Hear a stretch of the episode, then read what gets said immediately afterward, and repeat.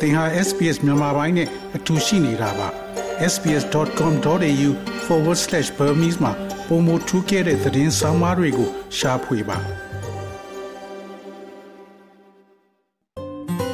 SBS မြန်မာပိုင်းကို အင်ကာနဲ့စနေနေ့ည10:00နာရီမှနားဆင်နိုင်တယ်လို့အွန်လိုင်းကနေလည်းအချိန်မီနားဆင်နိုင်ပါပြီမင်္ဂလာပါ စာတန်းတစ်ခုရဲ့အဆိုအရဩစတြေးလျနိုင်ငံမှာလက်ရှိအမြဲတမ်းအလုပ်လုပ်ကိုင်နေကြတဲ့အလုပ်အတွေ့အကြုံရှိအလုပ်သမားတွေ၄ယောက်မှာတစ်ယောက်ကသူတို့ရဲ့ကျွမ်းကျင်မှုအောက်ညော့နေတဲ့လစာကိုရနေတတ်ကြပါတယ်။ဒီအခြေအနေကြောင့်နှစ်စဉ်နှစ်တိုင်းတန်းနှစ်ချီရဲ့ဝင်ငွေတွေဆုံးရှုံးနေရပါတယ်။ရွှေ့ပြောင်းလာသူအသစ်တွေဟာသူတို့ရဲ့ကျွမ်းကျင်မှုအတွေ့အကြုံနဲ့ပညာအရေးချင်းတွေပေါ်မူတည်ပြီးဘယ်လိုအလုပ်တွေလုပ်နေကြတယ်လဲဆိုတာကိုယခု podcast မှာရှင်းပြထားပါတယ်။ မယ်ဇင်ဟာအသက်42နှစ်အရွယ်ရှိပြီဖြစ်ပြီးဩစတြေးလျနိုင်ငံကိုသူ့ဇနီးတမီးနှစ်ယောက်နဲ့အတူလွန်ခဲ့တဲ့3နှစ်အရှိကဒုက္ခတဲ့တယောက်အနေနဲ့ရောက်ရှိလာခဲ့သူဖြစ်ပါတယ်။သူကအီရတ်မြောက်ပိုင်း The Hook မြို့မှာလက်စစ်အင်ဂျင်နီယာလုပ်ခဲ့ပါတယ်။ဒါပေမဲ့ ISIS တွေသူ့ဒေတာကိုရောက်လာခဲ့ပြီးနောက်ပိုင်းမှာတော့ Lebanon ကိုသူ့မိသားစုနဲ့အတူထွက်ပြေးရပါတော့တယ်။ဩစတြေးလျကိုရောက်လာပြီး3နှစ်ကြာခဲ့ချိန်မှာတော့မယ်ဇင်ဟာ သူကျွမ်းကျင်ရနယ်ပင်မှာအလုပ်ရှာနေရတော့မှာပဲ I have worked as an electrical engineer for 9 years in uh, the Hook City and I am trying to look and to find job but uh, unfortunately I have applied many times ကျွန်တော်ဟာ Danhook မှာ9နှစ်တိုင်လက်စစ် engineer လုပ်ခဲ့ပါတယ် ဒီနိုင်ငံမှာ Seek တို့ Indeed တို့လို website တွေကနေအလုပ်အများအပြားကိုကျွန်တော်ရှောက်ခဲ့ပါတယ်။ဒါပေမဲ့ကံမကောင်းစွာနဲ့ပဲအလုပ်ရှောက်တိုင်းမှာမရသေးပါဘူး။ဘာသာစကားအခက်ခဲနဲ့ပြည်ရင်းလို့အလုပ်အတွေ့အကြုံမင်းမှုစတာတွေကသူနဲ့သူ့ဇနီးအတွက်အလုပ်ရဖို့ခက်ခဲစေတဲ့အချက်တွေဖြစ်တယ်လို့သူကပြောပါတယ်။သူ့ဇနီးကလည်းကျောင်းဆရာမအလုပ်ကိုရှာနေပါတယ်။ They always ask that the applicant have local experience and for us our experience are from other countries. Another reason why we are not employed is that our language ပြည်တွင်းမှာအလုပ်အတွေ့အကြုံရှိတာလို့သူတို့အများနဲ့မေးကြပါတယ်။ဒါပေမဲ့ကျွန်တော်တို့ကပြပမှာတာအလုပ်အတွေ့အကြုံရှိကြတာပါ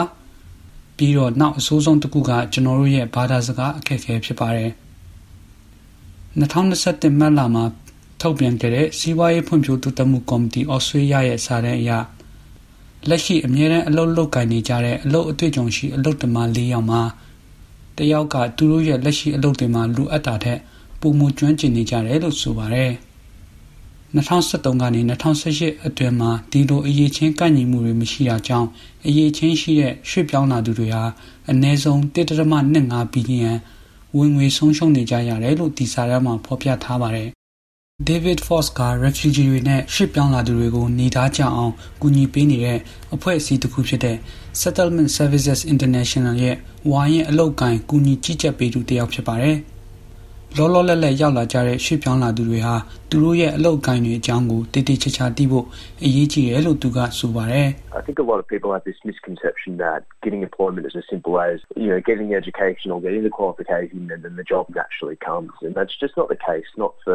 I think a lot of people have this misconception that getting employment is as simple as, you know, getting the education or getting the qualification and then the job naturally comes. And that's just not the case, not for skilled migrants and, and not for Australians either. And I think the, the difficult part with skilled migrants is that they have no idea what these pathways to employment are. And when you go for skilled jobs in particular, which are a lot more complex, a lot more... လူတွေတော်တော်များများအလုပ်တစ်ခုရဖို့ဆိုတာ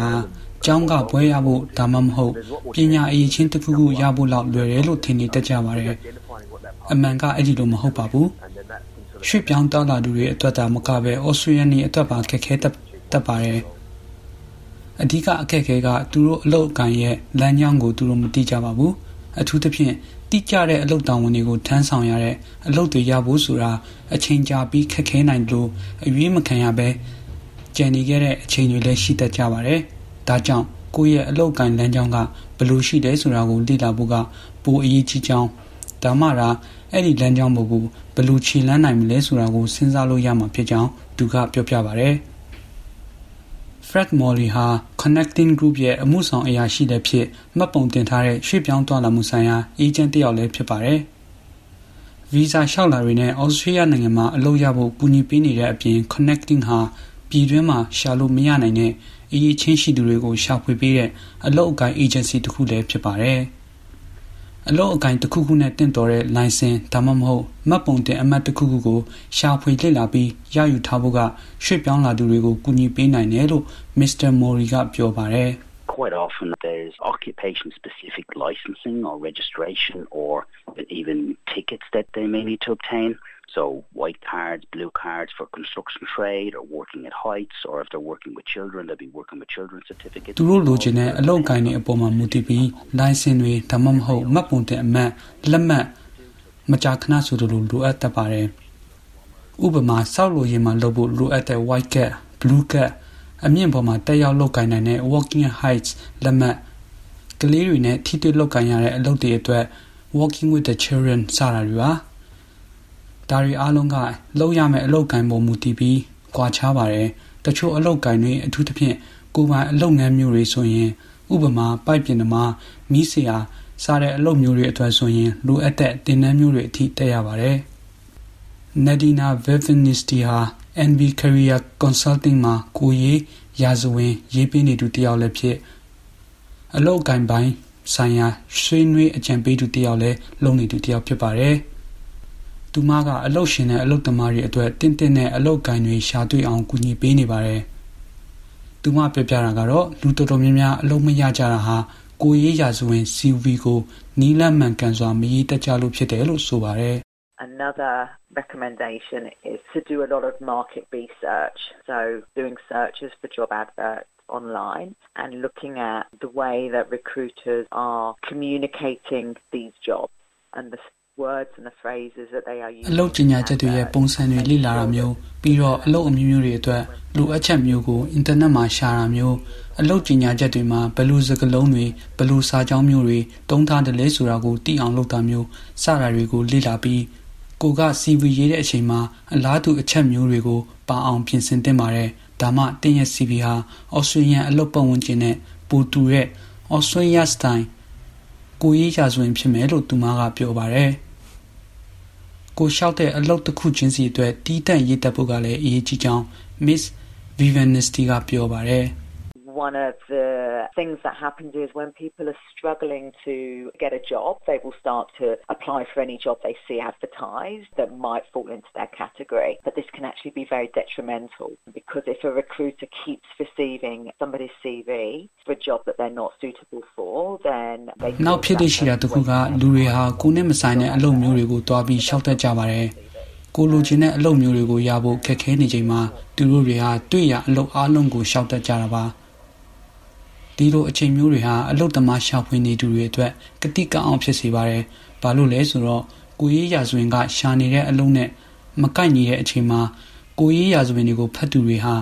သူတို့ရဲ့အချိန်ကိုတန်ဖိုးမထားရကောင်းလားဆိုပြီးဆက်ပြီးမဖတ်ပြီးတော့ကြပါဘူး။ဒါကြောင့်အလုတ်တစ်ခုမလျှောက်ခင်အလုတ်သမားရှာနေသူတွေဟာဘလို့အချက်တွေဘလို့အတွေ့အကြုံတွေကိုရှာနေတယ်လဲဆိုတာလေ့လာတင်ပါတယ်လို့သူမကပြောပါတယ်။ ရွှေ့ပြောင်းလာသူတွေဟာရောက်ရောက်ချင်းခြေလန်းတနန်းနောက်ခဏတာနောက်ဆုံးတင်ပြီးပြည်တွင်းမှာရှိတဲ့စနစ်တွေနယ်ပယ်ဆောင်ရဲ့တတိတွေနဲ့အလို့ယဉ်ကျေးမှုတလိတွေကိုအရင်လေ့လာပြီးအသားကျပြီးမှသာသူတို့အတွက်ကောင်းရာအလုပ်တွေကိုအဆင့်တက်ပြီးရှောက်တင်ကြောင်းမစ္စတာမိုရီကပြောပါတယ်။နောက်တစ်ချက်ကသူတို့ဟာသူတို့နိုင်ငံမှာရှိနေစဉ်အချိန်တစ်ခုမှာတက်ဆိုင်ရာနယ်ပယ်ကအလုပ်အကင်တစ်ခုခုရဲ့ထိတ်ဆုံးကိုတက်ပြီး အတွေ့အကြုံယူလာခဲ့တာဟာလည်းအထက်မှာဖော်ပြခဲ့တဲ့နောက်ဆုံးရခြင်းမျိုးနည်းနိုင်အောင်ကူညီပေးနိုင်ပါတယ်။ often as well, if they're constantly rejected, they need to reassess whether they're willing to take a step down to be able to get into the industry, get into a company, and then work their way back to the height of the position they were while they were overseas. And as I mentioned on licensing, sometimes they come here with a permanent residency visa but don't have the license to work within their specific. နောက်တစ်ချက်ကသက်ဆိုင်ရာ license ရှိဖို့ကလည်းလိုအပ်ပါတယ်။ တချို့လူတွေဟာအမြဲတမ်းနေထိုင်ခွင့်ဗီဇာနဲ့ရောက်လာတတ်ကြပါတယ်။ဒါပေမဲ့သက်ဆိုင်ရာနယ်ပယ်ရဲ့လိုင်စင်မရှိတဲ့အတွက်လက်ထောက်ကူညီပေးသူလူမျိုးနေရာမျိုးကိုသာရတတ်ကြပါတယ်။ဥပမာလက်စစ်ကျွမ်းကျင်သူနေရာအစားလက်စစ်ကျွမ်းကျင်သူကိုဘေးကနေကူညီပေးရတဲ့အကူသဘောမျိုးသာဖြစ်တယ်လို့ဆိုပါတယ်။သက်ဆိုင်ရာနယ်ပယ်မှာအလုပ်တစ်ခုခုရပြီးကိုယ့်ရဲ့အလုပ်ကိုင်တလန်းအတွက်အဲ့ဒါကိုအတုံးချတင်ပါတယ်လို့မစ္စတာမော်ရီကပြောပါတယ်။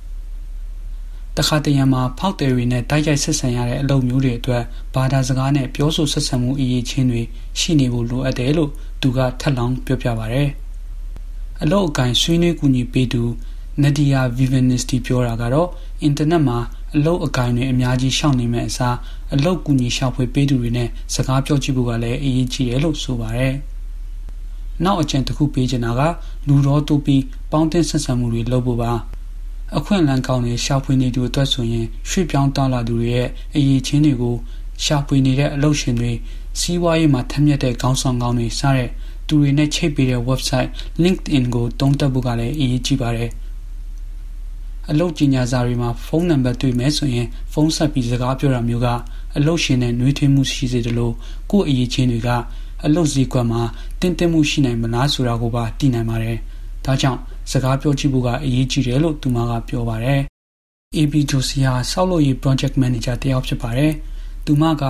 အိန္ဒိယနဲ့ဆာရီအာရေဗျမှာစောက်လုပ်ရေးရောစီမံမှုအပိုင်းမှာပါ16နှစ်တိုင် architect နဲ့ design manager လုပ်လာသူတယောက်ဖြစ်ပါတယ်။သူက2020ဖေဖော်ဝါရီလမှာဩစတြေးလျကိုရောက်ရှိလာပြီးဂျွန်လမှာတင်အလုပ်ရခဲ့ပါတယ်။ အလုပ်အကင်အတိုင်ပင်ခံတယောက်နဲ့တွေ့ရှိပြီးနောက်ပိုင်းအလုပ်ရဖို့အချိန်6ပတ်တာကြာခဲ့တယ်လို့ Miss Josie ကပြောပါတယ်။ she reworked on my CV, she reworded it completely, and she said people don't manually sit and read it anymore. It goes through a computer system, so you need to have those catchwords. So she kind of tutored me on that. Terminologies used were very different. We call it as a more of a feasibility study and a pre-construction study, whereas here it's called a business case. သူမရဲ့ CV ကိုအသေးစိတ်ကြည့်ပေးပြီးပြင်ဆင်မှုတွေတတိကြီးပြုလုပ်ခဲ့ပါတယ်။အလောက်ရှာဖွေသူတွေကိုကိုရေးရာဇဝင်တွေကိုမဖတ်တော့ပါဘူး။ဒီနေ့ခေတ်မှာကွန်ပျူတာကပဲဖတ်ပြီးကနဦးစည်းစိမ်မှုတွေလုပ်ပါတယ်။ဒါကြောင့်ခြားနားမှုတွေရှိပါတယ်။ဥပမာ project အစီအစဉ်တင်ပြမှု project proposal report စကားလုံးအစားဒီမှာကစီးပွားရေးဖောက်တဲ့တူ business case လို့သုံးပါတယ်။ သူမက သူမရဲ့အတိုင်ပင်ခံကို သူမလုပ်ခဲ့တဲ့အရာတွေကိုအဆအဆုံး ပြန်လည်ရှင်းပြပေးခဲ့ရပါတယ်။ဘာလို့လဲဆိုတော့ စကလုံးအတုံးနှုံတွေဟာ မတူညီခဲလို့ပါပဲလို့ သူမက ပြောပါတယ် ရွှေ့ပြောင်းလာသူတွေ သူတို့နဲ့တင့်တော်တဲ့အလုပ်တစ်ခုကို ရပြီဆိုတာနဲ့ ပြည်တွင်းလုပ်ငန်းတွေကို အများကြီး ကူညီပေးနိုင်တယ်လို့ Settlement Services International က David Forbes က အခုလို ပြောပါတယ် And we've actually found that even though how we work here is slightly differently, but because they have that overseas experience, they've got new ways of solving traditional problems. And we found that သူတို့ဟာပြင်ပမှာအလုပ်အတွေ့အကြုံရှိကြပေမဲ့သူတို့ဒီမှာအလုပ်လုပ်ပုံတွေကနည်းနည်းတော့မတူညီကြပါဘူး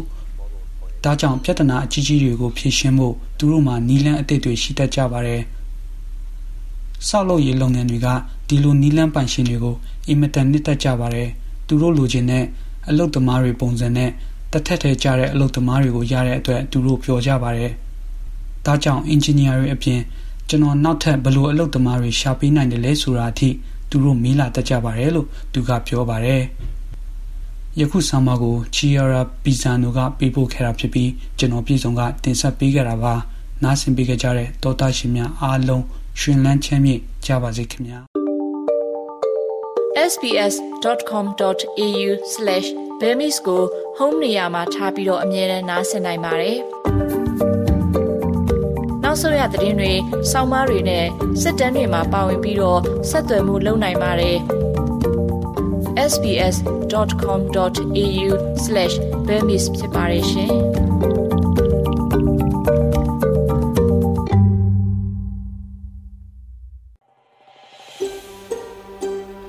ဒါမျိုးသတင်းဆောင်မတွေကိုပိုနားဆင်လိုပါလား Apple Podcast Google Podcast Spotify တို့မှာသင်ပင်ရာဖြစ်ဖြစ်ရယူတဲ့ podcast ကနေပါ